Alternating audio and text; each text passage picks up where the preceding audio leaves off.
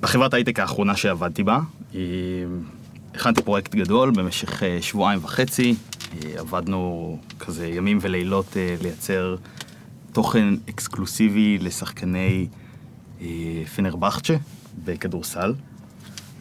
משהו ממש שהם אמורים, השחקנים עצמם אמורים לקבל אותו ולהעלות אותם לרשתות החברתיות. אה, הפרויקט יצא מדהים, יצא סרטונים איכותיים, ואז טסים לפנרבחצ'ה, אה, להציג את הסרטונים ולהראות לשחקנים ולהנהלת הקבוצה. ויש טיסה שהבוס שלי ואני מתכוננים לנסוע. עשר וחצי בבוקר הטיסה. אני בדרכי לנתב"ג. רכבת ראשונה לא מגיעה.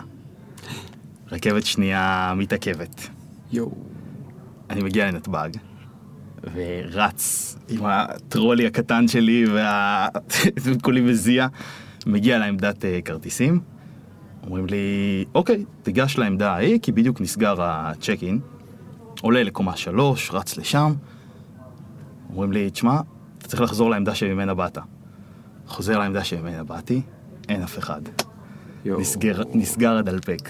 עומד שם, מסתכל על לוח טיסות, הבוס שלי במרחק 200 מטר ממני מעבר לקו, ו... ופספסתי את הטיסה, וואו. שזה הפרויקט ה baby שלי שאני עבדתי עליו ולהציג, בגלל רכבת ישראל. ובגלל רכבת ישראל. אבל תגיד, באיזשהו שלב לא אמרת כאילו, אוקיי, אני אקח מונית? זה היה יותר מהר עם הרכבת. הסתכלתי ב Waze על כמה זמן אה, היה לקח. פקקים. היה פקקים משוגעים, וואו. והרכבת הייתה הזמן. תגיד, הגעת לפנרבחצ'ה? לא הגעתי לפנרבחצ'ה. לא הייתה טיסה אחרת או משהו? הטיסה האחרת הגיעה בדיוק אחרי הזמן של הפגישה. איזה באסה. וואו. טוב, אנחנו כאן עם אה, חן רביב, שלא הגיע לטיסה.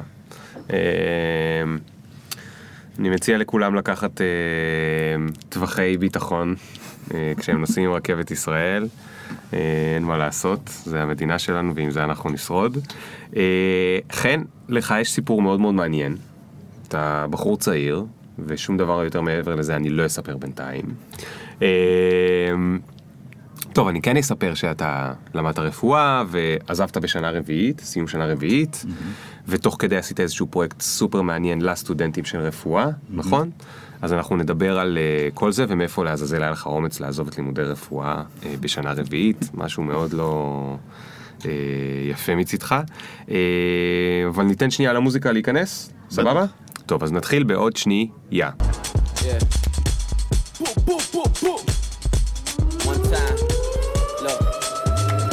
Ring the alarm, hot ass nigga. Big ass head so my dreams get bigger. Make campaign songs so my flows get sicker.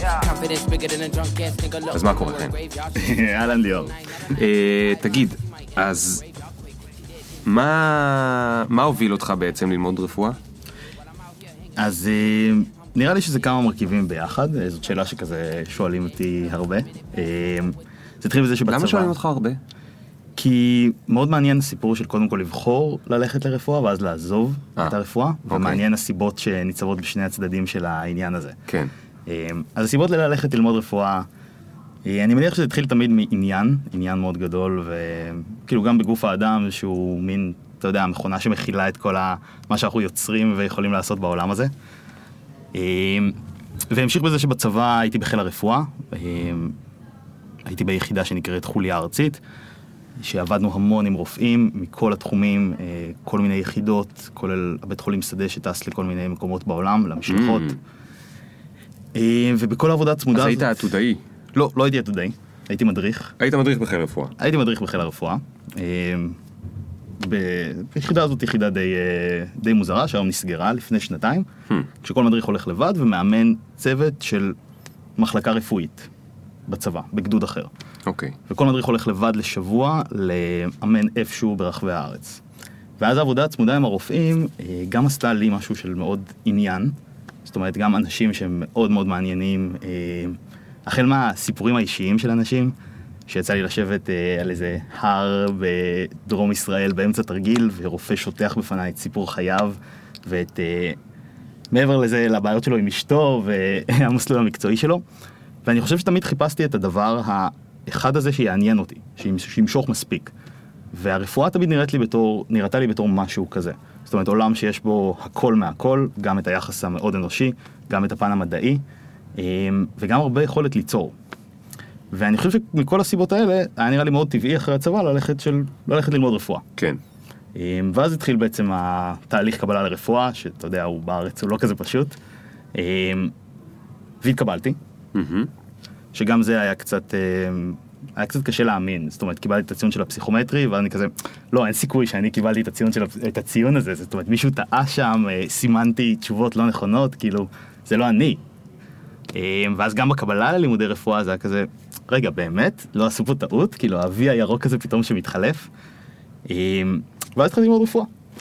אה, והתחלתי ללמוד רפואה בתל אביב ב-2012, ו... ואני חושב שכל הזמן חיפשתי, עשיתי עוד כל מיני דברים אה, במקביל לזה, הייתי מורה בבית ספר אה, בחולון. וואלה, מתי. היה לך זמן? זה לא מאוד עמוס אה, לימודי רפואה? זה עמוס, אבל יש זמן. זאת אומרת, עיקר ה skills שנמדדים עליהם זה skills של שינון חומר, ואחרי זה מין הקאה שלו. מהמם. אה, ותוך כדי זה עובדים כמעט כולם אצלנו בעבודה אחת, שתיים, אני עבדתי בשלוש עבודות אה, באיזשהו שלב. וואו, באיזה שלוש עבודות? בתור מורה, כן. סליחה, מורה למה? מורה לביו-רפואה, מה? איפה לומדים ביו-רפואה? באורט חולון, וואו. כן. ביו-רפואה? ביו-רפואה. תסביר לי שנייה מה לומדים בביו-רפואה. אז אה, כיתה י', מולקולות? גנטיקה? כאילו כאלה? או...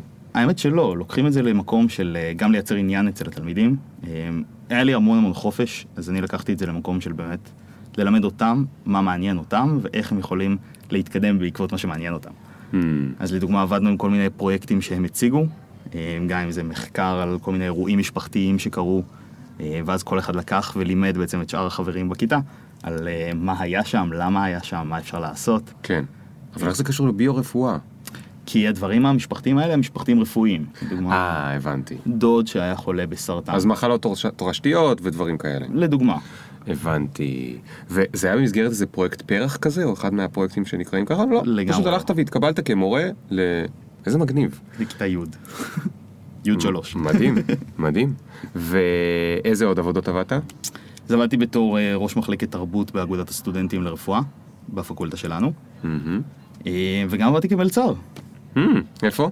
במסעדת טוסי, מכיר? בקומה ה-50 של... בעזריאלי? כן. אה, גדול. אז תגיד, אה, אה, את כל העבודות האלה היית צריך כדי לפרנס את עצמך? או שסתם היית חרוץ? אה, כדי לפרנס את עצמי. כן. איפה גרת בתור סטודנט? אז בתור סטודנט בשנה הראשונה גרתי במעונות של אוניברסיטת תל אביב, ואחרי זה התחלתי להדרים. אז זה היה צפון הישן, ואחרי זה מרכז תל אביב, והיום זה ממש שפירא, אז כן, הכי דרום כן. שאפשר. מדהים. אה, ואז באיזשהו שלב גם נכנסתי לעבוד בשיבא, במרכז לסימולציה רפואית, שאנחנו עושים שם כל מיני סימולציות לרופאים, לאחיות, לפרמדיקים, כל מיני סימולטורים שפשוט מכשירים רופאים איך, אה, איך לטפל. כמו בטיס שיש את הסימולטורים כן. לטיסה. אז דמיין לך בובה ענקית ששוכבת וממש אפשר אה, היא להפעיל אותה. ענקית או שהיא בגודל של בן אדם? היא גודל של בן אדם פלוס. אוקיי, אוקיי. אה, שממש מדמה את כל האנטומיה של הבן אדם, ושאפשר לבצע עליה ניתוחים ופרוצדורות אה, למיניהם. ואז זה היה ממש להכשיר את הסטאג'רים, את הרופאים הבאים של המדינה. מגניב. כן.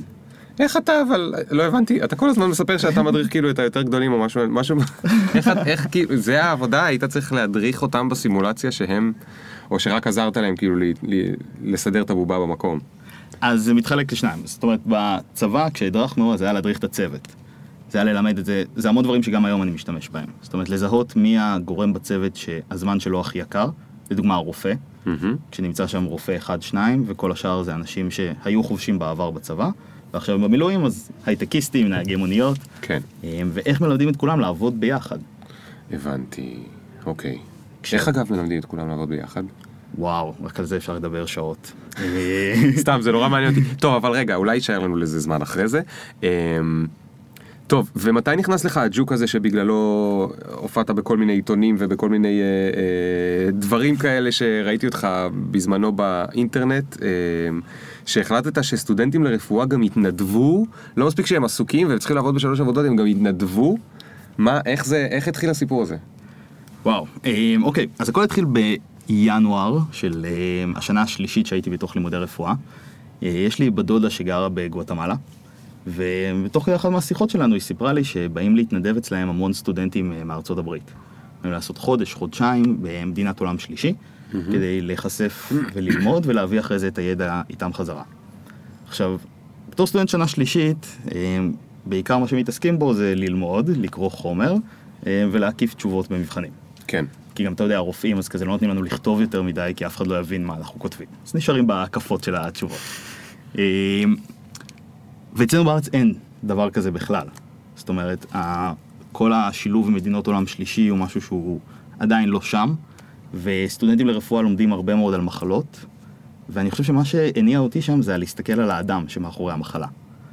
אמ, ואז התחלתי לגשש, התחלתי לגשש ולהבין מה באמת קיים בארץ, זאת אומרת לא רק מה אני מכיר מתוך הפקולטה בתל אביב, אלא מה קיים גם בשאר המקומות, וראיתי שבאמת יש פער. עכשיו, בהתחלה הרעיון היה לשלוח סטודנטים אמ, אחרי איזושהי תקופת הכשרה בישראל, לשלוח אותם באמת למדינות עולם שלישי, ואז עם כל הידע שהם חוזרים איתו והדברים שהם מביאים לשם, להחזיר אותם לארץ, ושגם בארץ הם עושים עוד עבודה התנדבותית. באותו זמן דיברתי עם דיקן הפקולטה לרפואה, פרופסור אהוד גרוסמן, שהוא אדם מדהים, שעצם האמירה של דיקן שמוכן להיפגש עם סטודנטים, שזה לא משהו שהוא מובן מאליו. נכון. ופרופסור גרוסמן שאל אותי שאלה של, זה מדהים, הערכים נכונים, אבל למה לא להתמקד קודם כל במדינה שלנו? יש פה עוד כל כך הרבה צרות שיש כאן, לפני שאנחנו יוצאים בכלל. זאת אומרת, הדבר הראשון שעשית, ואני רוצה להתמקד בזה רגע, כי זה קשור לנושא של אה, איך להיות יצירתי. סליחה שאני רגע מעיף את זה הצידה. ברור. באיך להיות יצירתי יש אה, כמה שלבים. השלב הראשון זה קופי. קודם כל, הנה פרויקט שמישהו אחר עושה, בואו נעשה בדיוק אותו דבר. השלב השני זה טרנספורם, כאילו איזה טרנספורמציה אני יכול לעשות לזה כדי שזה יותר יתאים, ובאמת שם מתחילה היצירתיות. אז אתה באת ואמרת, דיברתי עם בת דודה שלי, היא אמרה לי זה מה שעושים בזה בגואטמלה, אמרת, בוא, קודם כל בוא, בוא נעתיק, נעשה את זה גם לפה. ואז בא אליך הדיקן ואמר לך בוא נראה איך עושים איזה טרנספורמציה, זאת אומרת, למה אתה צריך לנסוע לגואטמלה? יש פה הרבה בעיות, ויש פה אולי לא מדינת עולם שלישי, אבל יש פה לא מעט אה, אנשים עם אה, נזקקים, כן. ושלא לדבר, אני לא יודע אם הגעת לזה, אבל מאחורי כל מיני קווים ירוקים יש עוד כל מיני מדינת עולם שלישי ש... המון. אה, היא מאוד מאוד מאוד קרובה אלינו ואפילו חלקה בבעלותנו בצורה כזו או אחרת. אז, אה, אז מה, הייתה לו הצעה קונקרטית? לא. אבל מה שהבנתי עוד זה שיש גם מקום להכניס את זה לתוך מסגרת הלימודים. Hmm, כי המחשבה שלי הייתה באמת סטודנטים לרפואה עמוסים מאוד ולומדים הרבה ועסוקים בתוך זה, אז איך אני לא מוסיף להם עוד עומס מעבר למה שכבר קיים? כן. איך אני גורם לזה שהאקדמיה נותנת מהצד שלה את המשאב שיש נקודות זכות, שזה מהמם. זמן, ואיך דרך הדבר הזה אני אומר לסטודנטים, תעשו עשייה חברתית, שהיא לא התנדבות כי אתם מקבלים על זה משהו, כן. אבל הם עשו הרבה יותר ממה שהם קיבלו. אבל זה לא בעצם כל העיקרון של אה, התמחות? זאת אומרת, מה שאתם עושים כמתמחים? לא. כי מתמחים הם מתעסקים ספציפית כדי להתמחות בתחום רפואה שהם עושים. לדוגמה, רופא עיניים שמתמחה בזה, לומד טוב מאוד איך לטפל בכל מחלות העיניים. הבנתי. וכאן האמירה היא של, אנחנו לא מסתכלים כל כך על הפן הרפואי יותר, אלא על הפן של הקהילה. זאת אומרת, האדם כשהוא יוצא מהבית חולים, הוא חוזר לבית שלו, הוא חוזר לקהילה שלו. ואם מבינים טוב, אם הרופאים גם יבינו את, ה, את הבית של האדם, את כל המרכיבים שלו, את הסביבה שעוטפת אותו, אפילו אם חשוך לו ללכת ברחובות, שזה משהו שפתאום מאיים על הבריאות במובן הרחב. כן. אז ככה זה מה שאנחנו לימדנו ומלמדים את הסטודנטים שלנו לעשות. להסתכל לא רק על בריאות בתור היעדר מחלה, אלא על בריאות בתור הרווחה הנפשית והכלכלית של הבן אדם. מדהים. אז, אז, אה, אוקיי, הייתה לך מחשבה שזה ייכנס לתוך תוכנית הלימודים, אבל בטח המחשבה הבאה בתור זה, מי ייתן לי לעשות דבר כזה? הרי לשנות תוכנית לימודים באוניברסיטה זה משהו שנשמע כזה בלתי אפשרי. כן, אה, לגמרי. וזה היה ממש, אני זוכר את הפגישה הראשונה עם הדיקן, שיושבים שני סטודנטים מפוחדים, אני והשותף שלי מיכאל מיכלין, ושנינו יושבים כזה, אתה יודע, סטודנטים שנה שלישית, רגילים להסתכל על הדיקן אה, מלמעלה, מדברים איתו, והוא אמר, אוקיי, זה נשמע מאוד מעניין, אני תומך בזה עקרונית. אה, הצענו לו גם את המסגרת של קורסי בחירה, שזה מקום שיש יותר אה, משחק עם החופש. והוא אמר, אוקיי, אני נותן לכם אה, בין 2 ל-4 נקודות זכות. מה? כאילו, בואו תציגו, בואו תציגו מה אתם רוצים לעשות. אוקיי. עכשיו, מה שקרה תוך כדי זה גם, אה, עבדתי במסר, בתל השומר, כמו שסיפרתי לך. אה, המנהל של מסר הוא אדם מדהים, יזם בכל רמ"ח חבריו, פרופסור אמיתי זיו. שהיה טייס בעברו, רופא, הקים את מסר, כל המרכז הזה, סגן מנהל תל השומר, סגן דיקן הפקולטה לרפואה, אה, רב פעלים, והתייעצתי איתו על כל הפרויקט הזה, אה, אדם עם אג'נדה חברתית, והוא אמר לי, תשמע, בדיוק הגיע למסר לעבוד, אה, מנהלת מחקר חדשה, שחזרה מארצות הברית אחרי 15 שנה, אה, הם קוראים לה פרופסור רותי מרגלית. היא רופאה שהקימה שם אקדמיה למעורבות סטודנטים בקהילה, בנברסקה, אומהה. מדהים. כזה, וואלה, מעניין. דיברתי עם רותי בצהריים יום אחרי זה, קבענו לדבר, ופשוט זה היה קליק מהרגע הראשון. ואת הדברים שאנחנו חיפשנו איך לעשות, אנחנו חשבנו על דברים מאוד מובנים. כי גם בתור סטודנטים אמרנו כמה חופש אנחנו יכולים לאפשר, ומה, גם מה אנחנו יודעים. כאילו, אתה יודע, אנחנו באים עם אה, רעיונות טובים כן. ואחלה ערכים. אה, ורותי הגיעה אחרי 15 שנה של ממש תוכניות של סטודנטים שיוזמים עם קהילות פרויקטים בתוך הקהילה. שדברים שהם רצים באלפי סטודנטים בשנה, אה, עשרות אלפי אנשים שמקבלים טיפולים, שמשתתפים בפרויקטים, דברים יפהפיים. זכו בפרס הבית הלבן על הפרויקטים האלה. מדהים. ואז ביחד עם רותי, אמרנו אוקיי, גם רותי היא האדם המקצועי, שיכול אה, להיות רשום על הקורס, כי הרי אקדמיה בכל זאת, אז תארים זה הדבר החשוב. אה, וגם הגישה שלה היא בדיוק הגישה שאנחנו רוצים ללמד את הסטודנטים. ומאותו רגע בעצם התחלנו לעבוד על זה ביחד. אה, אז מה, אבל, אבל...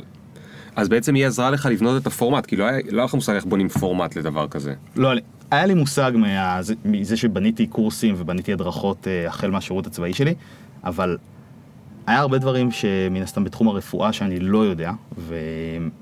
ורותי היא בדיוק האדם שגם התנסה שם בקו ראשון, גם עבד בקניה הרבה מאוד זמן, Hmm. ובדיוק איתה זה היה השילוב. של אני בתור מייצג את הסטודנטים ומבין איך אנחנו יכולים לדבר אליהם ומה מתאים אליהם ומה סטודנטים יבואו ומה סטודנטים יעריכו. כן. ורותי עם הפן של איך אנחנו יכולים לעשות את זה. זה ממש, ממש אה, מדהים איך שתיארת את זה, כי יש פה מין, גם פה, גם בפגישה עם הדיקן, גם בחיבור ביניכם, אה, יש פה את הנקודה הזאת של להבין מה יתאים לצד השני, ולספר לו את זה בצורה שתתאים לצד השני. שזו נקודה נורא חשובה, והיא נשמעת טריוויאלית, אבל היא מאוד לא טריוויאלית. הרבה אנשים שיוזמים דברים, לא משנה אם הם עסקיים, התנדבותיים וכולי, יש להם איזשהו רעיון, והם בטוחים שהרעיון שלהם הוא מדהים. אבל כשהם באים להציג אותו, או לנסות למכור אותו למי שצריך להשתתף בו, לא הולך להם כל כך בקלות.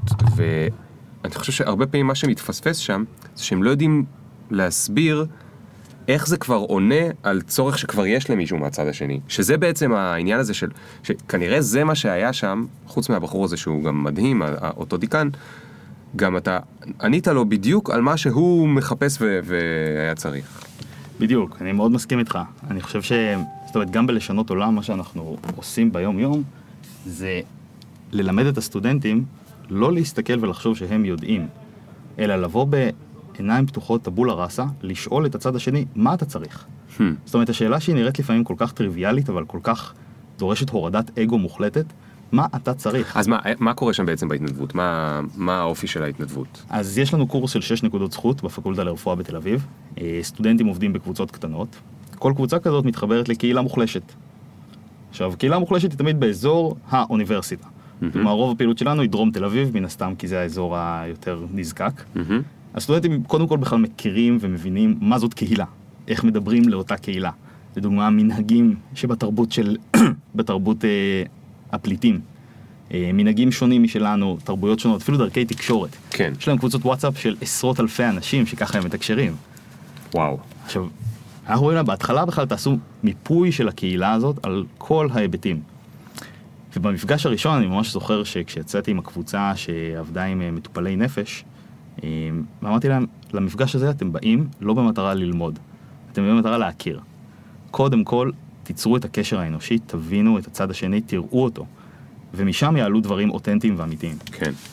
אה, וזה משהו שאנחנו, שאני מאוד מאמין בו בכל, בכל ההיבטים של החיים. זאת אומרת, בכל פרויקט היום שאני עושה, אני מניח כל מיני הנחות לפני שאני מגיע, ואז אני פשוט שואל את הצד השני. Hmm. ומקבל לחלוטין את זה שהתשובה יכולה להיות שונה ב-180 מעלות מהתשובה שהייתה אצלי בראש לפני. וזה לא רע. כן. זה מצחיק, אתה מדבר על אה, רופאים ומתנדבים וזה, ואני אה, מיד חושב אה, על כאילו מה שהזכרת לי הרגע, זה גם קשור לאותה מערכת יחסים בין אה, עובד ובוסית, או בין פרילנסר ולקוח. הדבר הבסיסי הזה שאנחנו שוכחים לעשות, זה שלבוא ולהגיד בקול רם, מה שהבנתי שאתה צריך זה 1, 2, 3, 4. ואז תמיד אומרים, 1 ו-2 כן, אבל 3 ו-4 לא הבנת, מה שאני צריך זה. וכשלא עושים את זה, אז מישהו עובד על 3 ו-4 כשמישהו אחר היה צריך 5 ו-6.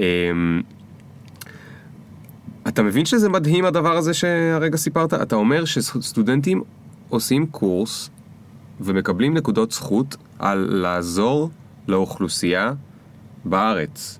זה די מטורף.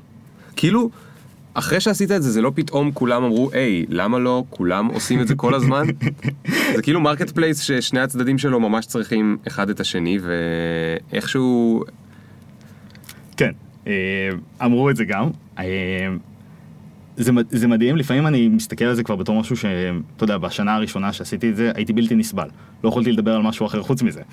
אה, הורים, חברים, בת זוג והכל. ו... ואני חושב שיש פה שיש פה אמירה מאוד גדולה מצד האקדמיה. זאת אומרת, להגיד, אתה יודע, בכל ההיסטוריה המהפכות למשל התחילו מסטודנטים. ולא שאנחנו חלילה מכוונים למהפכה, אבל עצם האמירה שסטודנט הוא לא רק אה, סטודנט מקצועי, אלא גם יש פה את השלב האחרון של מערכת החינוך, mm-hmm. שמדברת על ערכים, זה משהו בעיניי שהוא יפהפה. כן. כשאנחנו מדברים רגע על מהו רופא טוב ומהו בכלל איש מקצוע טוב, אז אחד לטעמי זה אדם שיודע להגיד אני לא יודע. ואני גם לא יודע מה אני לא יודע. שזה אחלה, וזה אחלה נקודת פתיחה. עכשיו במיוחד, במיוחד, במיוחד לסטודנטים לרפואה ולרופאים לעתיד. שלפעמים בוא נגיד מרגישים בראש איזושהי פירמידה, mm-hmm. וזה משהו שאנחנו מלמדים מהר מאוד איך כאילו להסתכל על זה של אתם עובדים כחלק, אתם עובדים בקבוצה, אתם עובדים עם עוד אנשים, ושימו לב איך גם הפליט יכול ללמד אתכם. מדהים. הוא לא צריך להיות פרופסור אה, ראש מחלקה כדי ללמד אתכם, כדי שתלמדו מזה. ורק על המפגש הזה, בגלל זה גם קראנו לכל הפרויקט הזה, לשנות עולם. לא לשנות את העולם, לשנות עולם של בן אדם אחד בתוך התהליך הזה. עכשיו נגיד, מכל הבחינה של איך אנחנו מסתכלים, אז זה לא סטודנטים באים לעזור לקהילה. זה סטודנטים באים להיות שותפים עם הקהילה, מתוך ההבנה שהפתרון עצמו, כמו הצורך, נובע מתוך הקהילה. כן. והמטרה שלנו זה שכל הפרויקטים האלה עוברים להיות על, מובלים על ידי אנשי קהילה. ואז אנחנו גם בונים אותם בתור המנהיגים, מראים להם ונותנים להם את האפשרות והמקום פשוט להוביל וליזום. כן, כן. אז, הסט, אז הסטודנט מכיר את הקהילה ואז מה הוא עושה שם? אז הסמסטר הראשון מוקדש להכרה, לאפיון צרכים, אפיון משאבים, ובסוף הסמסטר הראשון אה, מוחלט על איזשהו צורך ביחד עם, אותו, עם אותה קהילה, כשאת הקהילה גם יש לה את הארגון החברתי שעובד איתה. לדוגמה, אנחנו עובדים עם נוער בזנות, אה, זה ארגון בת של עלם שנקרא ערים בלילה, 24/7, אה, shelter שיושב בדרום העיר. ואז הארגון מטעמו מקצה עובד סוציאלי מנטור, שמלווה את הסטודנטים בתהליך. Hmm. שוב, מתוך הבנה שהוא מכיר הכי טוב את השטח. כן. עכשיו, אותה עובדת סוציאלית, למשל מהארגון הזה, נוגה אשכנזי, שהיא מדהימה, אה, אז היא ממש הלכה עם הסטודנטים יד ביד, הפגישה אותם, אה, לימדה אותם על המרכז עצמו, על השירותים שמקבלים, ואפיינו צורך. הצורך, לדוגמה, עם הקבוצה הזאת, היה צורך בטיפולי שיניים. Hmm. שזה מפתיע, אותנו זה הפתיע מאוד, זאת אומרת, מסתכלים על קהילת קצה של נוער בזנות, עולים לנו אלף ואחד צרכים שכנראה יותר בוערים מזה. כן. ומאיתם עלה פשוט הצורך של טיפולי שיניים. אז אמרנו, אוקיי, הבנו את הצורך. מה אנחנו יכולים לעשות כדי לענות על הצורך הזה קצת? כן. אז חיפשנו את הגוף שיש לו צורך לתת טיפולי שיניים. בית ספר לרפואת שיניים באוניברסיטת תל אביב. Mm-hmm. סטודנטים עושים טיפולים כדי להיות רופאי שיניים. אה, התחברנו אליהם לעוד אחוות אה, רופאי שיניים עולמית בשם אלפא אומגה. ובשנתיים, שנה וחצי האחרונות, אה, נתנו למעלה מ-140 טיפולים, טיפולי שיניים בחינם לצעירים בזנות, על ידי סטודנטים, על ידי מתמחים, אה, מדהים. בפקולטה לרפואת שיניים. כשהחמישה סטודנטים שהיו בקבוצה הראשונה, הם אלה שהרימו את כל הפרויקט הזה. וואו. הם אלה שיצרו את הקשרים, הם אלה שדאגו להביא את האנשים, הם אלה שהיו שם בזמן הבדיקות, שביקשו מהאנשים כל הזמן משוב ופידבק על כל טיפול ומהסטודנטים איך היה להם. תגיד, אני רוצה לשאול אותך שאלה אמיתית. כן. קודם כל זה נשמע, אני מדמיין את הסטודנטים האלה שעושים את הדבר הזה והם מבינים איך הם משפיעים על חיים של אנשים, וזה עוד לפני שהם נהיו רופאים, ועם אוכלוסייה שלא היה להם, ש... כנראה בשום הזדמנות אחרת הם לא היו מגיעים אליה, אלא אם הם היו באמת עובדים באיזושהי עמותה. ואני מדמיין אותם, אתה יודע, עפים לשמיים וזה, ואתה מחייך פה חיוך גדול כזה, ואתה כולך זה. אני רוצה רגע שאלה כנה. כמה מהסטודנטים הם באמת ככה, זה גורם להם לוואו מטורף, וכמה מהם אומרים, טוב, זה עוד קורס שאני עושה עם 6 נקודות. אני לא יודע להגיד לך את זה מספרית. אני חושב, בסוף השנה שעברה, כשעשינו סיכום על הדברים, וגם השנה, לכל אחד השתנה קצת משהו בתפיסה.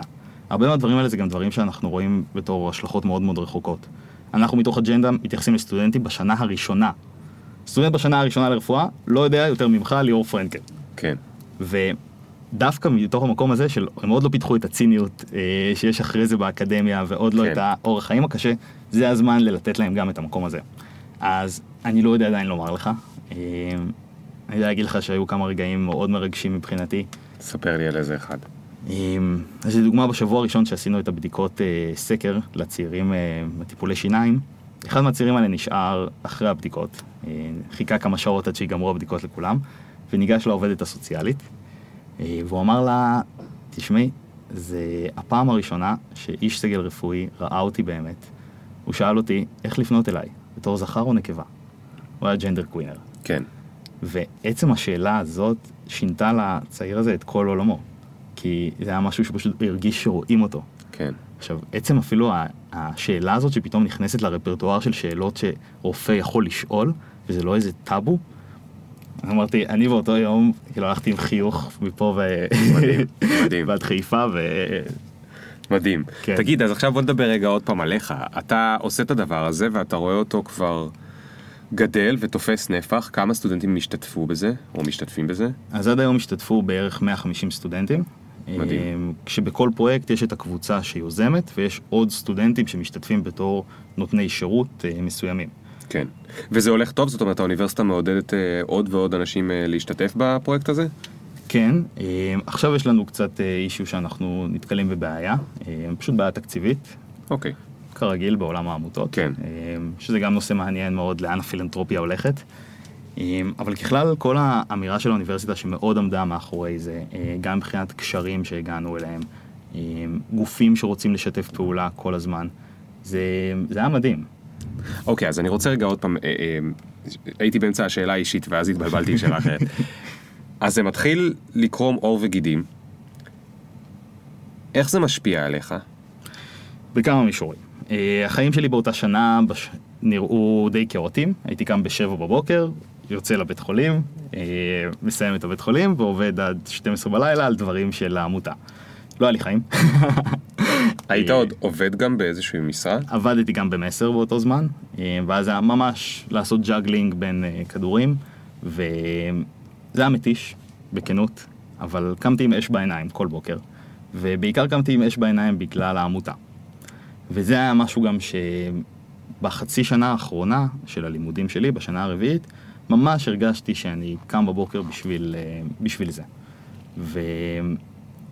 ועצם היכולת הזאת שפתאום אני בתור סטודנט טישר, שכאילו אין לי תואר, אין לי ניסיון, אה, יכול לעשות דבר כזה ומקבל את ההזדמנות המופלאה הזאת לעשות קצת טוב בעולם הזה, אה, זה נתן לי אמונה לזה שאני יכול לעשות. כן, ושאני לא צריך לחכות לאישור בשביל לעשות, אלא שאני פשוט יכול לעשות. כן. ו... והשינוי תפיסה הזה הוא משהו שהשפיע גם על ההחלטה של אה, לעזוב את הלימודים. אמ, היו... זאת אומרת, מצד אחד זה היה גם מין דיסוננס, כי מצד אחד אנחנו יושבים עם דיקן הפקולטה בישיבות אה, אסטרטגיות ומתכננים דברים, ואני פונה, כאילו אני פוגש רופאים בבית חולים בתור סטודנט, שהם הרופאים האחראים עליי, ואז אני נשאר לדבר איתם על הפרויקט של לשנות עולם, ואז הם פתאום, כאילו, המשוואה כזה משתנה. כן. אז היה לי, זה היה חצי שנה די מורכבת מבחינתי, כי לא הבנתי מה אני. אני סטודנט לרפואה, אני אה, שותף ב, להקמת תוכנית כזאת, כאילו, מי אני, מה אני. כן. ו...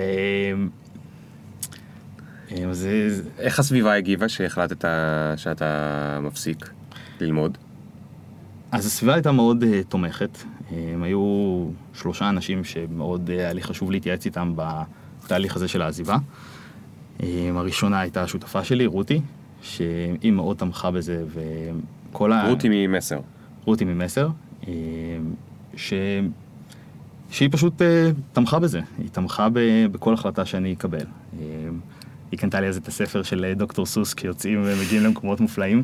כן. אה, ממש אה, קולע באותו זמן. אה, התייעצתי אז עם הדיקן שלי גם, שהוא מצידו אמר, הוא גם מאוד תמך בכל מה שאני אעשה. אה, הוא כן הצטער על העזיבה, אה, גם בשביל המערכת ככלל, גם בגלל כל מיני עתיד שהם תכננו לי. אה, ההורים מאוד תמכו, הם, הם תומכים בכלליות ב, במסלול חיים שאני עושה, ואני בר מזל שיש לי כאלה הורים. אתה חושב אגב, אז בנקודה הזאת, אתה חושב אגב שזה שאתה ידעת ב-back of your mind שההורים שלך הם תומכים ושיהיה לך גב, זה קצת עזר לך לקחת את ההחלטה הזו? אני בטוח, אני בטוח שכן. אה, הרבה, מה, הרבה מהמחשבות היו על, היו על כזה cost effective. זאת אומרת, להישאר בלימודי רפואה עוד שלוש שנים, אה, בתור מסגרת שאני יודע או לא יודע שאני רוצה לעסוק בתור רופא, מהמם. אבל יש משהו גם בלקבל את התואר של אה, רופא, בכלליות לכל דבר. אחר שרוצים לעשות, מול המחשבה על זה שבאמת כל רגע הוא הרגע לחיות כזה את הרגע. אה, שאותי זה פגש בזה שדודה שלי נפטרה בגיל מאוד צעיר מסרטן אה, מעי הגס, ואני זוכר שדוד שלי בלוויה ביכה את העתיד שלא יהיה, שהם בנו ביחד. ואני זוכר את עצמי פשוט יושב אחרי זה וחושב כאילו, אני מתכנן את העתיד, חי את העתיד, ו... ומה אני רוצה לעשות עכשיו. כן. אז הסביבה הייתה מאוד תומכת, והשיחה השלישית שהייתה לי היה עם אמיתי, עם המנהל של מסר, שהשיחה הזאת היא הפילה לי כמה אסימונים. זוכר שאמרתי לאמיתי שאני עוזב את הלימודים, והוא כזה הסתובב מהכיסא, נותן לי מבט אה, ישיר, סיפר לי שהוא עשה כמה הפסקות במהלך הדרך שלו, ו... אמרתי לו שאני מרגיש שאני לא fully intuit ברפואה, שאני עושה את זה בשביל אה, לסמן וי בשנה הזאת, ושמה שאני עושה מהלב זה את העמותה. כן. והוא אמר לי משהו על זה שמרגילים אותנו לחשוב שאדם צריך לעשות משהו אחד, ממש טוב, והסוג השני של האנשים, שנראה לי גם אתה כזה, זה אנשים שעושים הרבה דברים מספיק טוב. הוא זה שהיה לפני זה טייס, כן. ואחר כך רופא, ואחר כך... אה, אוקיי. אז אוקיי, אז היה לו גם בסיס להגיד לך משהו כזה. לגמרי. אבל מה הוא ניסה להגיד לך? שבוא תהיה גם רופא וגם... אה, כן. הוא ניסה להגיד של תמשיך את זה, תוריד את הראש. אז זו הייתה השיחה שהקשתה עליך. זאת הייתה שיחה ש... שא' נתן לי מין גושפנקה כזאת אה, מאדם שאני מאוד מעריך, על אה, כזה, אוקיי, גם לעשות הפסקה זה בסדר, אה, וגם להבין של באמת רגע, מי אני בתוך הסיפור הזה. והאם אני אדם שעושה משהו אחד, הסתכלתי על לימודי הרפואה, ואז כמו שסיפרתי לך, שתמיד עשיתי עוד דברים תוך כדי, אז כאילו אף פעם לא הייתי אדם שעושה דבר אחד הכי טוב. כן. אה, אני אדם שאוהב לשלב. כן. מה עם מחשבות מה יגידו עליי? לא היו לך? אה, בשלב הזה היו לי פחות, כי, כי זה אחרי, אחרי כל התהליך הזה, ש... זאת אומרת, הסטודנטים לרפואה נגיד מהשכבה, אה, היו כאלה שהסתכלו על זה מאוד בעין מוזרה. זאת אומרת, כזה, למה אתם עושים את זה? למה אתם לא פשוט אה, מתעסקים בללמוד יותר טוב או לעשות את מה שצריך? כאילו, בואו נקבל עוד חמש נקודות במבחן. כן. ו... ואני זוכר שכאילו הרגשתי שם את המשהו הזה כזה שאני חושב אחרת על כל הסיטואציה הזאת ואני מסתכל עליה אחרת. זאת אומרת, העימות שלך עם הסביבה כבר התחיל הרבה לפני, הוא כבר התחיל כשהתחלת לעשות את כן. הדבר הזה. כן. עכשיו תגיד לי משהו, אה, אמרת קודם משהו מאוד מאוד חשוב, אמרת, הבנתי שאני יכול, אפילו שאני סטודנט קטן פישר, זה המילים שאתה השתמשת, כן, אני לא, לא חושב שאתה פישר, אבל אפילו שאני סטודנט קטן פישר, אפילו עוד אין לי תואר, עוד אין לי זה, אני יכול להרים דברים. אה, אני אשמח שתספר עוד קצת על המחשבות האלה, הספציפיות האלה שלך, כי אני חושב שזה דבר שהוא מאוד מאוד מאוד עקרוני.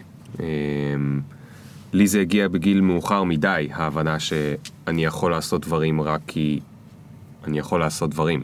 כי אין משטרה שבאה ואומרת, היי, מה זה, אסור לך לעשות דברים כאלה, מי אתה בכלל, אסור לך להקים עסק. אסור לך להיות סטארט-אפיסט, אסור לך להיות יזם, כי אין משטרה כזאת. אבל איכשהו בראש, שלי לפחות, עד גיל 30, הייתה משטרה כזאת. זאת אומרת, אני לא דמיינתי שאני יכול בכלל. אמ, זה משהו שהיה לך מגיל יותר צעיר, או שזה פעם ראשונה שאתה נפל לך אסימון כזה? אז זה משהו ש... זה משהו שאני חושב שהוא גם טוב, זו שאלה, כאילו, אני רגע חושב על זה, כי זה... בצבא זה היה המקום הראשון שבו התנסיתי באמת בהמון אחריות ויכולת להניע דברים ויכולת באמת למחשבה שלי שקורמת מציאות, והי, המציאות לא כזאת רעה. אמ, כן, אני חושב ש... שהדבר הנכון הוא להתחיל מדברים קטנים, מניצחונות קטנים. זאת אומרת, באותה מידה, כשהייתי מגיע לדיקן, יכול להיות שהוא היה אומר לי, לא, שכח מזה, עוף לי מהמשרד, מי אתה בכלל שתדבר איתי? וכל מסלול חיים שלי היה אחרת. זאת אומרת, יש פה הרבה גם עניין של מזל בתוך הסיטואציה הזאת. אבל... אבל התפקיד שאני רואה שלי בעולם הזה, הוא לקדם באמת את, ה, את הדבר הזה שאתה מנסה לשאול עליו, של איך אנחנו, איך עוזרים לאנשים לעשות את הליפ הזה, את הליפ אוף פייף בעצמם. ובגלל זה נגיד בלשנות עולם, מה שיצרנו את זה ככה שאנחנו לא יודעים מה יהיו הפרויקטים. אני לא אומר לסטודנטים מה תעשו. ואנחנו לחלוטין מקדשים את זכות הבחירה שלהם והיצירה. ואנחנו מנסים שהתהליך הזה ייגמר לחלוטין בהצלחה. זאת אומרת, גם אם הפרויקט הוא לא יצא כמו שרוצים, העיקר שהוא יצא. כן. אנשים רואים את זה שהם יצרו משהו שבא לידי העולם ונותן איזשהו ערך מינימלי. מה שאצלי הוביל את זה, אני חושב, זה קצת אה, חוסר פחד לגבי דברים, ו, ואני חושב שלאט לאט אני הולך ולומד עוד בעולם, אני עדיין חווה עם זה שאלות כל הזמן. ואתה מצליח לראות את הסטודנטים באמת עושים את הליפ? זאת אומרת, יצא לך, אני מניח שאתה לא יכול 140 להכיר אחד-אחד, כאילו, אתה בטח מכיר בשמות, אבל לא ממש... יצא לך לראות סטודנטים שבאמת עשו את, ה... את הליפ הזה? כן. אני יכול לספר לך על אה, אחד מהחברים הכי טובים שלי, אופיר, שהוא אחד מהשלושה שהתחלנו להקים את הדבר הזה. ואופיר כזה אמר בהתחלה, יאללה, חברים עושים משהו, בוא נעזור להם. אה, החל מתרגום של דברים ובנייה, ופשוט, יאללה, לתוך אה, קופצים למים. היום, אופיר אחרי שנתיים וחצי בתוך התהליך הזה, מסיים עכשיו שנה שישית, והבן אדם חושב אחרת. הבן אדם מסתכל על בעיה ואומר, אוקיי, יאללה, בוא נפתור אותה. מה הבעיה? והשינוי הזה שראיתי אצלו הוא בדיוק השינוי שהייתי רוצה לראות אצל כולם. אצלו אני רואה את זה כי הממשק איתו הוא מאוד קרוב, הוא גם חברי, וזה מדהים. עכשיו, אני רואה גם את הדרך חשיבה שלי, זאת אומרת, כזה, יאללה, לך תעשה. כאילו, כשאנשים באים עם רעיונות או עם פתרונות, אחלה, אז מה אתה הולך לעשות? כן. זאת אומרת, זה תמיד איך, איך עוזרים לאנשים לעשות את הליפ הזה, אז יש את האנשים, אני חושב, שלא, מעוניין, שלא מעוניינים לעשות את זה אף פעם. יש את האנשים שעבודה שכירה מאוד מאוד טובה להם, מסגרת קבועה, אה, וזה בסדר, וזה אחלה. יש את האנשים שלא משנה מה יקרה, יעשו את הליפ הזה. כנראה כמוך, כמוני. אה, ויש את האנשים באמצע, שמתנדנדים. קודם כל, לא, אני הייתי בה באמצע. היית בה באמצע? אני הייתי בה באמצע. ומה לא- עשה לך את הסוויץ'? גם, גם טיפול. אה, גם הרבה מצוקה. זאת אומרת, הייתי עם, אה, אה, ממש במצב לא טוב בעבודה אז, בזה, זאת אומרת, המצב שלי בתוך העבודה היה מצוין, אבל נפשית וגופנית הייתי במקום לא טוב, גב תפוס כל הזמן וכאבי ראש וכולי, זאת אומרת, הייתי במקום שהייתי צריך... הבנתי שאני צריך איזשהו שינוי, לא חשבתי שהוא קשור לעולם התעסוקה אגב, אבל הסתבר שזה קשור. זאת אומרת, זה הגיע מתוך משבר ומתוך טיפול שתמך בי. אבל לא מזה שפתאום יום אחד אה, השתנה לי משהו, זה לא היה לי זה, אז אני הייתי ממש במתנדנדים. יש את אלה שזה בא להם יותר בטבעיות, אני מקנא בהם, יש את אלה בגיל 21, כאילו, פשוט, ואז זה או הגיע מהבית, או גנטי, אין לי מושג, מה, איך זה קורה. אמ, והמתנדבים, אני חושב שזו האוכלוסייה גם הכי מעניינת, בעיניי. אמ, כי זו האוכלוסייה שאני אומר, אוקיי, האדם הנכון ברגע הנכון, יכול שם לעשות את השינוי. נכון. ומה שאני מנסה לעשות כל הזמן זה באמת להגיע לאנשים שלפעמים הדברים, הרי כל בן אדם יש לו את המקום הזה שהוא יכול ליצור מעצמו.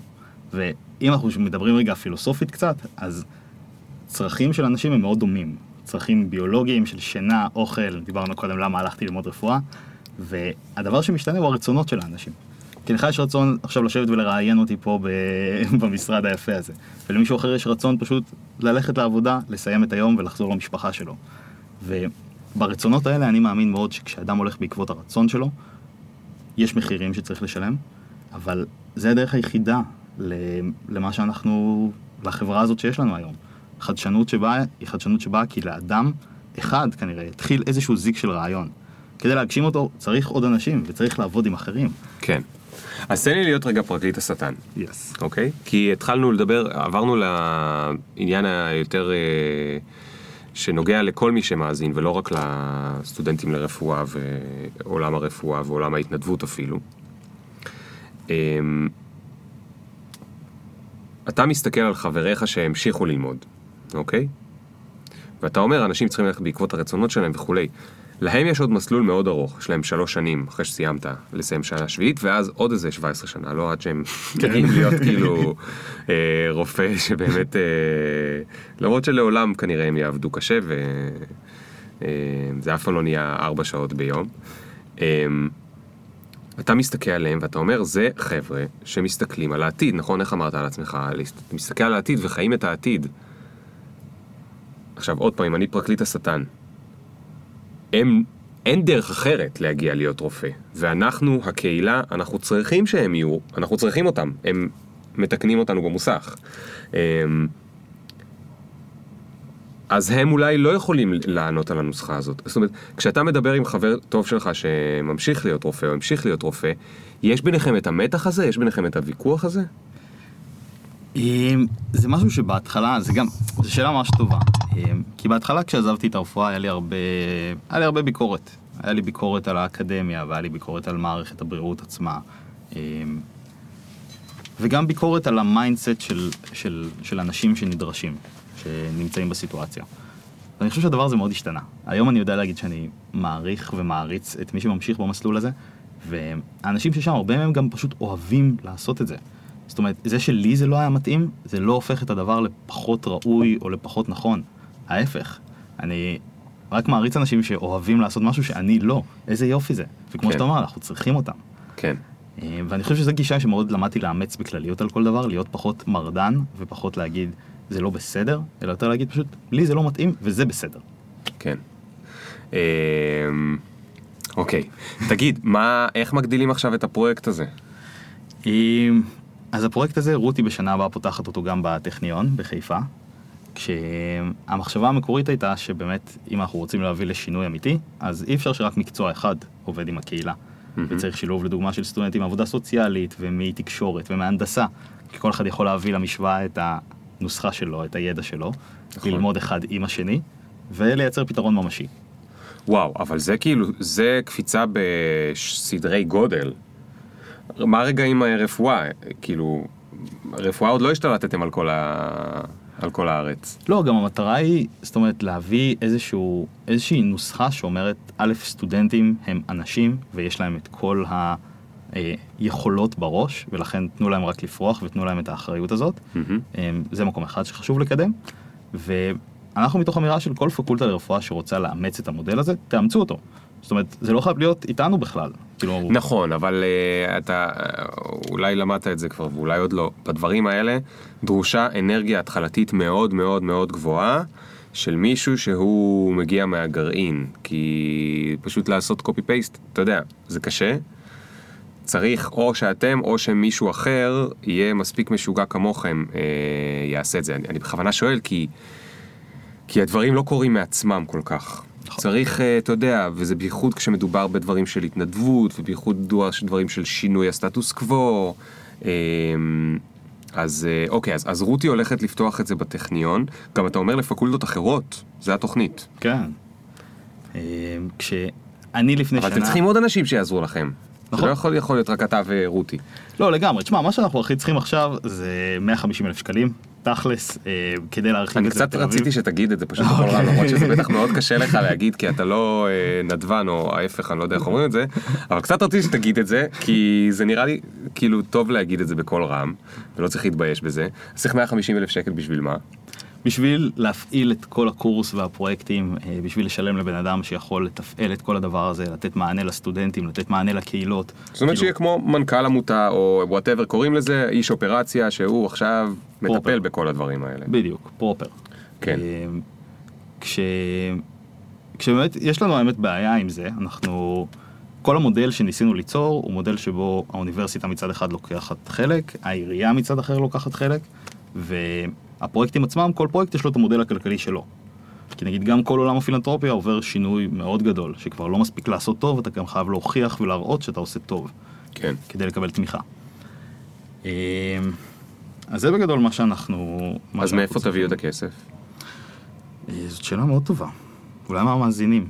אולי המאזינים, אולי המאזינים מכירים מישהו שזה, אפשר לעשות אה, פרויקט מימון המונים, נכון? למרות שפרויקט המימון המונים זה לא באמת מביא כסף, כי צריך להחזיר את הכסף במתנות. אה, אבל אנחנו קוראים אליכם, אם מישהו מכיר אה, מישהו שיכול איכשהו לעזור, ויהיה מעוניין אה, לעזור לפרויקט הזה לקרות, אז טוב, אנחנו נשאיר איזה לינק שלך או משהו בפרטים, או אימייל או משהו, נשמע לי דבר מדהים, ואני רוצה להגיד לך ש-150 אלף שקל יגרום כלום. לכמה סטודנטים ל... לעשות את הפרויקט הזה. עשרות סטודנטים. ועד עכשיו טיפלנו בשנתיים האחרונות, טיפלנו, כאילו, עבדנו עם 2,500 חברי קהילה, מהמם. וזה, המספרים גדלים. זאת אומרת, כן. עשינו יריד בריאות לפליטים כזה, שמאות אה, ילדי פליטים פשוט היו וקיבלו טיפולים מסטודנטים אמריקאים, ישראלים. כן, אז כאילו, אני יכול לספר על כל אחד מהפרויקטים שלנו, אבל בתכלס, יש פה, יש פה אמירה פעמיים, אמירה אחת של לעשות טוב לקהילה, ואמירה שנייה של רופאים שמסתכלים אחרת פשוט על האנשים. כן, שגדלים פה רופאים שהם מחוברים לשטח. שמחוברים לבני אדם. כאילו למי מאיתנו לא הייתה חוויה עם רופא שיסתכל רק על מסך מחשב כשבאים אליו. כן. שרק אה, כותב במסך ולא מסתכל בכלל עלינו. אז בדיוק את הדבר הזה אנחנו מנסים לשנות. זה מדהים. טוב, אני קורא לכם, חבר'ה, ת, תחשבו מי יכול uh, לעזור. Uh, תגיד רגע, חן, מה העתיד שלך? אז אני לפני שנה עשיתי סוויץ', עוד סוויץ' בהמשך, אה, ועברתי לעבוד בהייטק. אה, קיבלתי אז הצעה ממיליארדר ישראלי, שפשוט מצא אותי בגלל כל הדברים שאתה ראית באינטרנט, אה, ופנה אליי, הוא אמר לי בוא, כאילו, אני מחפש צעירים יצירתיים, ובוא לעבוד אצלי. ועשיתי את זה, הלכתי לעבוד אצלו במשך חצי שנה בהייטק. אה, שזה בדיוק החברה שסיפרתי לך עם פנרבכט של כן. היה סופר מעניין, כי למדתי, אני מאוד אוהב לזרוק את עצמי לעולמות שאני לא מכיר בכלל. ואז הדבר הראשון שאני מנסה ללמוד זה שפה. אז הייתי עומד ב daily, בבוקר, עם המתכנתים, עומד ליד ה project manager, ושואל אותו כל הזמן אה, בצד כזה, מה זה API? ואז התחלתי ללמוד את השפה, ו- וראיתי שהחשיבה שלי, שהיא פשוט לפתור בעיות, לראות את המצב ולנסות לראות אותו קצת אחרת, you name it, אה, בא לידי ביטוי גם שם. זאת אומרת, איזושהי בעיה אפילו טכנולוגית שאנחנו נתקלים בה, ואני יושב עם ה-VP R&D, ואני אומר לו, תגיד, ואם אנחנו מסתכלים על השעון ומפעילים עליו איזה image analysis, כאילו, מילים שאני יודע לזרוק, אין לי מושג איך הן פועלות, הוא כזה, אתה יודע מה? זה יכול לעבוד.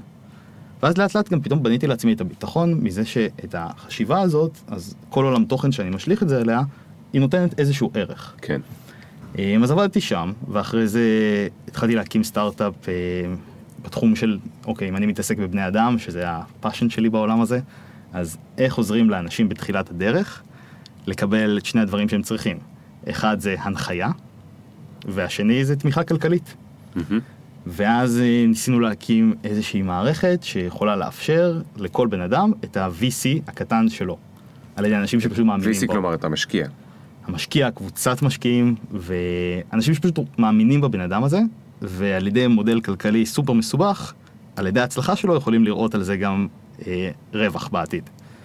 אה, עשינו את זה כמה חודשים, והבנתי שיש שם איזשהו עניין אתי שלא הצלחנו להתגבר עליו, אה, ואז הפסקנו עם זה. והיום אני מעורב בארבעה פרויקטים, שאני juggling, דיברנו על זה, כמה דברים בבת אחת, חוזר על עצמו כל הזמן. אה, אחד זה סטארט-אפ שמקדם הגשמה של חלומות ורעיונות על ידי אומנות, סטארט-אפ שנקרא דרימי, אני מכיר. אתה מכיר את דרימי? בטח, שרונה. שרונה. אי אפשר לא להכיר את שרונה. ואז שם נכנסתי עם שרונה, ואני מייעץ, אה, עובד איתה, וזה ממש אנחנו בתחילת התהליך. דבר שני זה עוד סטארט-אפ שאני מעורב בהקמה שלו, שמחבר בגדול בין נטפליקס ליוטיוב.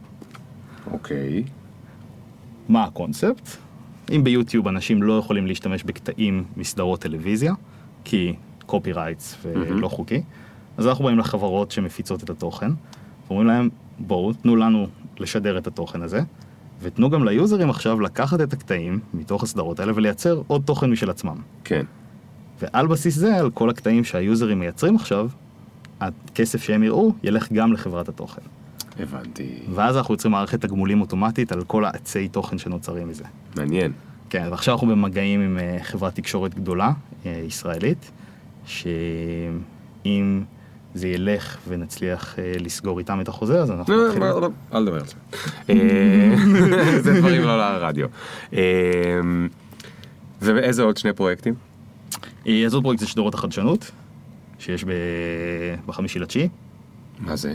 ה-DLD, שדרות חדשנות של... אה. אוקיי, ה-DLD. כן, זה מה אני אתה עושה עם בצוות DLD? זה אני בצוות ההפקה. DLD, תספר רגע למי שלא מכיר מה זה DLD. DLD זה שדרות החדשנות, פרויקט של עיריית תל אביב עם יוסי ורדי, שגם המון הרצאות שמתרחשות ברחבי פאבים בתל אביב, אה, רשות החדשנות שמגיעה, יזמים שמרצים, וגם שדרת... זה בעצם מסיבת הסטארט-אפים הגדולה של ישראל ומגיעים Yeah. אליה מכל העולם. yeah, כן, לגמרי. וכולם מדברים על חדשנות ומשוויצים כל אחד בהמצאות שלו ובזה שלו, ויש מלא מלא מלא mingling, ויש מלא מלא מלא מסיבות, ויש מלא מלא אה, הרצאות, וזה תמיד נחמד וזה תמיד בתחילת ספטמבר.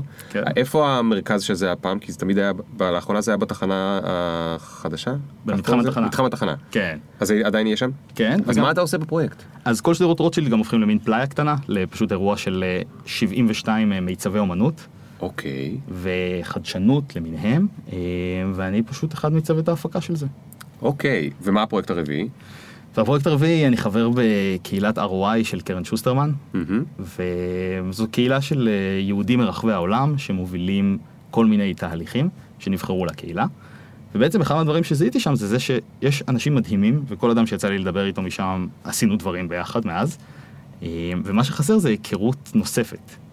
ומה שאני מייצר עכשיו זה ערבי אה, סוג של TED, כזה לקהילה הזאת, כשהמטרה היא Connect and Create, ואחרי זה זה גם Connect and Create כלפי חוץ.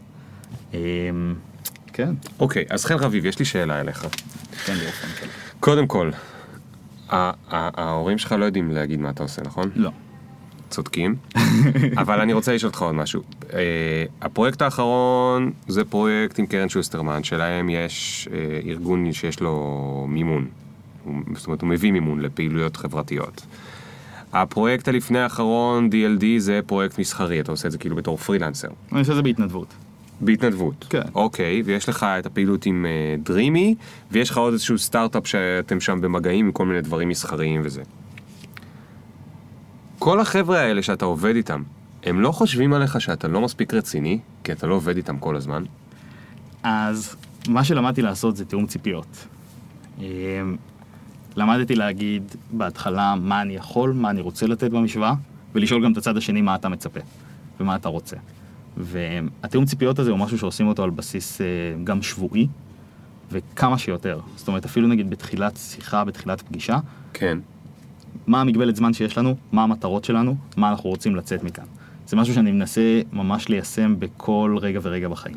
אבל אתה יודע, אנשים שאוהבים אה, אה, אה, להיות איתך בסטארט-אפ, הם רוצים שתהיה איתם כל הזמן. נכון? אה, ובגלל זה גם, זה כמו חבלים, כאילו כל פעם אני מושך בחבל, אני רואה איך הצד השני מושך בחבל, ואז יש רגעים שבהם אני יודע להגיד, אוקיי, עכשיו אני צריך להיות fully into it בדבר מסוים. אוקיי, זאת אומרת, בנוסף לארבע העבודות האלה, יש לך שכבת מטה, שכבת, ני- אני פשוט מכיר את זה מאוד מה... פחות מהחיים עכשיו, יותר מהחיים הקודמים, בסיבוב הקודם.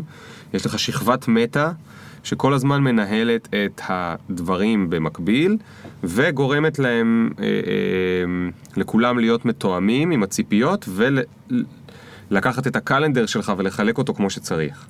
אבל לא תמיד זה מסתדר כמו שהיית רוצה, נכון? כי לפעמים כולם צריכים אותך בדיוק באותו שבוע. לגמרי, זה גם תמיד קורה ככה בסוף. כן, אז, אז מה אתה עושה אז? אז אני פשוט אה, מכיר בזה ששעות שינה הן אה, מותרות. ו... וואלה. אה, יוצא לך לפעמים להגיד, חבר'ה, אני לא יכול יותר? יצא לי להגיד, כן. יצא לי להגיד אה, בשנה שעברה על איזה פרויקט שפשוט הבנתי שאני לא יכול לתת שם את מה שצריך ממני, וברגע שהבנתי את זה גם תקשרתי את זה. אה, מתוך הבנה של לא ליצור את הציפייה הזאת והאכזבה בהמשך, כן. וגם תמיד לנסות לעשות את העברת מקל הזאת, אבל כן כמו שצריך. אה, לא לקום וללכת ולהיעלם פשוט, שזה גם משהו ללמוד. כן. אה, טוב, תשמע, נשמע שאתה אה, איש העולם החדש פר סה. אתה יכול ללמד אותי ואת מי ששומע משהו אחד שלמדת על הניהול זמן שלך? איזשהו משהו שאתה משתמש בו בניהול אה, זמן. אני אסביר למה, אני עושה עוד פעם פלאג לקורס ניהול זמן שעשיתי שהוא חינמי, ובגלל זה לא אכפת לי לעשות עליו פלאג. אה, זה קורס שהעברתי במלא מקומות בעולם, כאילו מה זה בעולם? באירופה, לא בעולם, לא בארצות הברית, באירופה וגם בארץ לכל מיני חברות וזה, והיום אני מעביר אותו מדי פעם כסדנאות בג'ולט, אבל אין לי כל כך זמן להרצות בימינו, אז פשוט הלכתי והפכתי אותו לקורס חינמי, ואני אשים את הלינק שלו וכל אחד יכול להירשם, ואני אשמח ללמוד טריקים חדשים. או אולי אתה משתמש באחד הטריקים שאני מספר שם, אז יש לך איזשהו טריק לניהול זמן של בן אדם שהוא כל כך מספיק, כל כך הרבה דברים? הטריק הראשון זה פשוט מדיטציה. או, יפה, יפה, מדיטציה. איך מדיטציה עוזרת לך לנהל את הזמן? אמ, מדיטציה בתקופות שבהן אני מצליח אה, להקפיד על זה, ואפילו אם זה ברמה של העשר דקות לפתוח איתם את הבוקר, מדיטציה נותנת מרחב בשבילי. אה, מרחב שנייה אחת שלפני שצוללים, ותמיד יש את האינסטינקט הזה לקום בבוקר ויאללה, להתחיל לתקתק את המשימות. אבל שנייה אחת רגע לפני זה, להסתכל ולתכנן. ולראות עכשיו את היום, לשאול את עצמי מה אני באמת יכול להשיג היום, לרשום את הדברים, כי ברגע שאני רושם את הדברים אז אני לא צריך לזכור אותם יותר.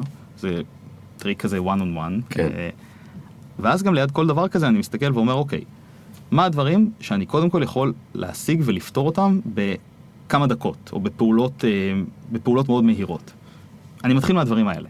למה? כי אם התחלתי את היום במדיטציה, והתחלתי את הרצף הראשון של היום בניצחונות קטנים, כל שאר היום הוא ניצחון.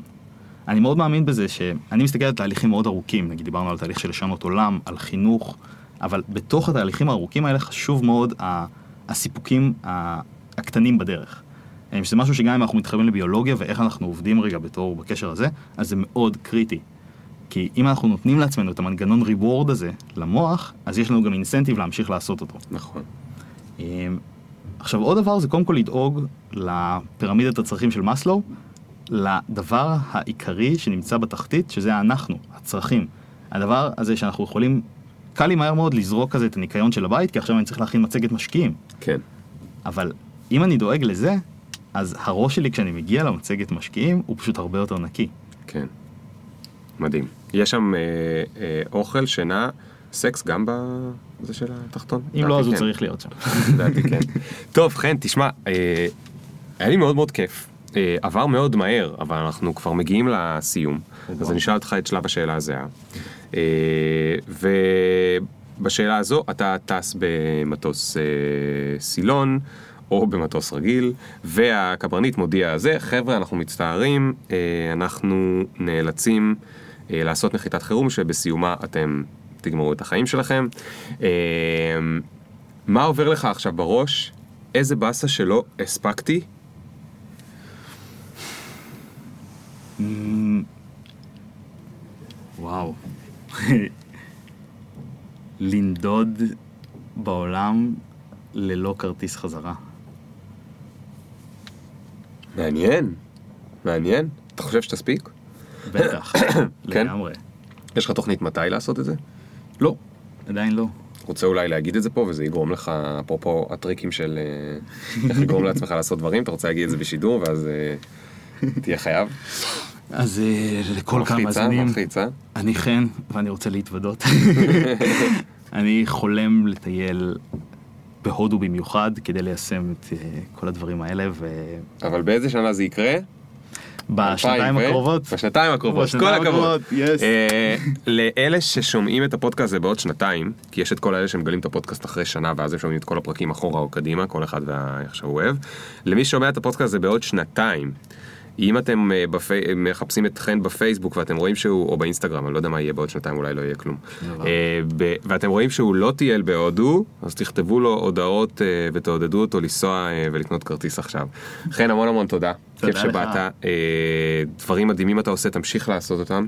תיזהר מכל ה juggling, זה עלול להיות מסוכן, לאט לאט.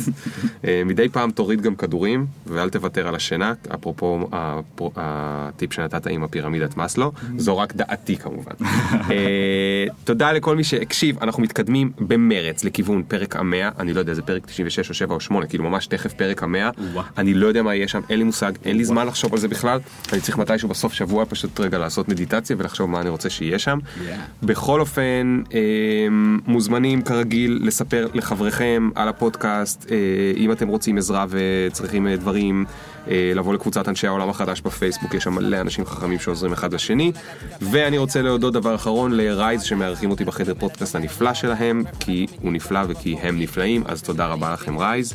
וזהו, עד הפעם הבאה. ביי. ביי.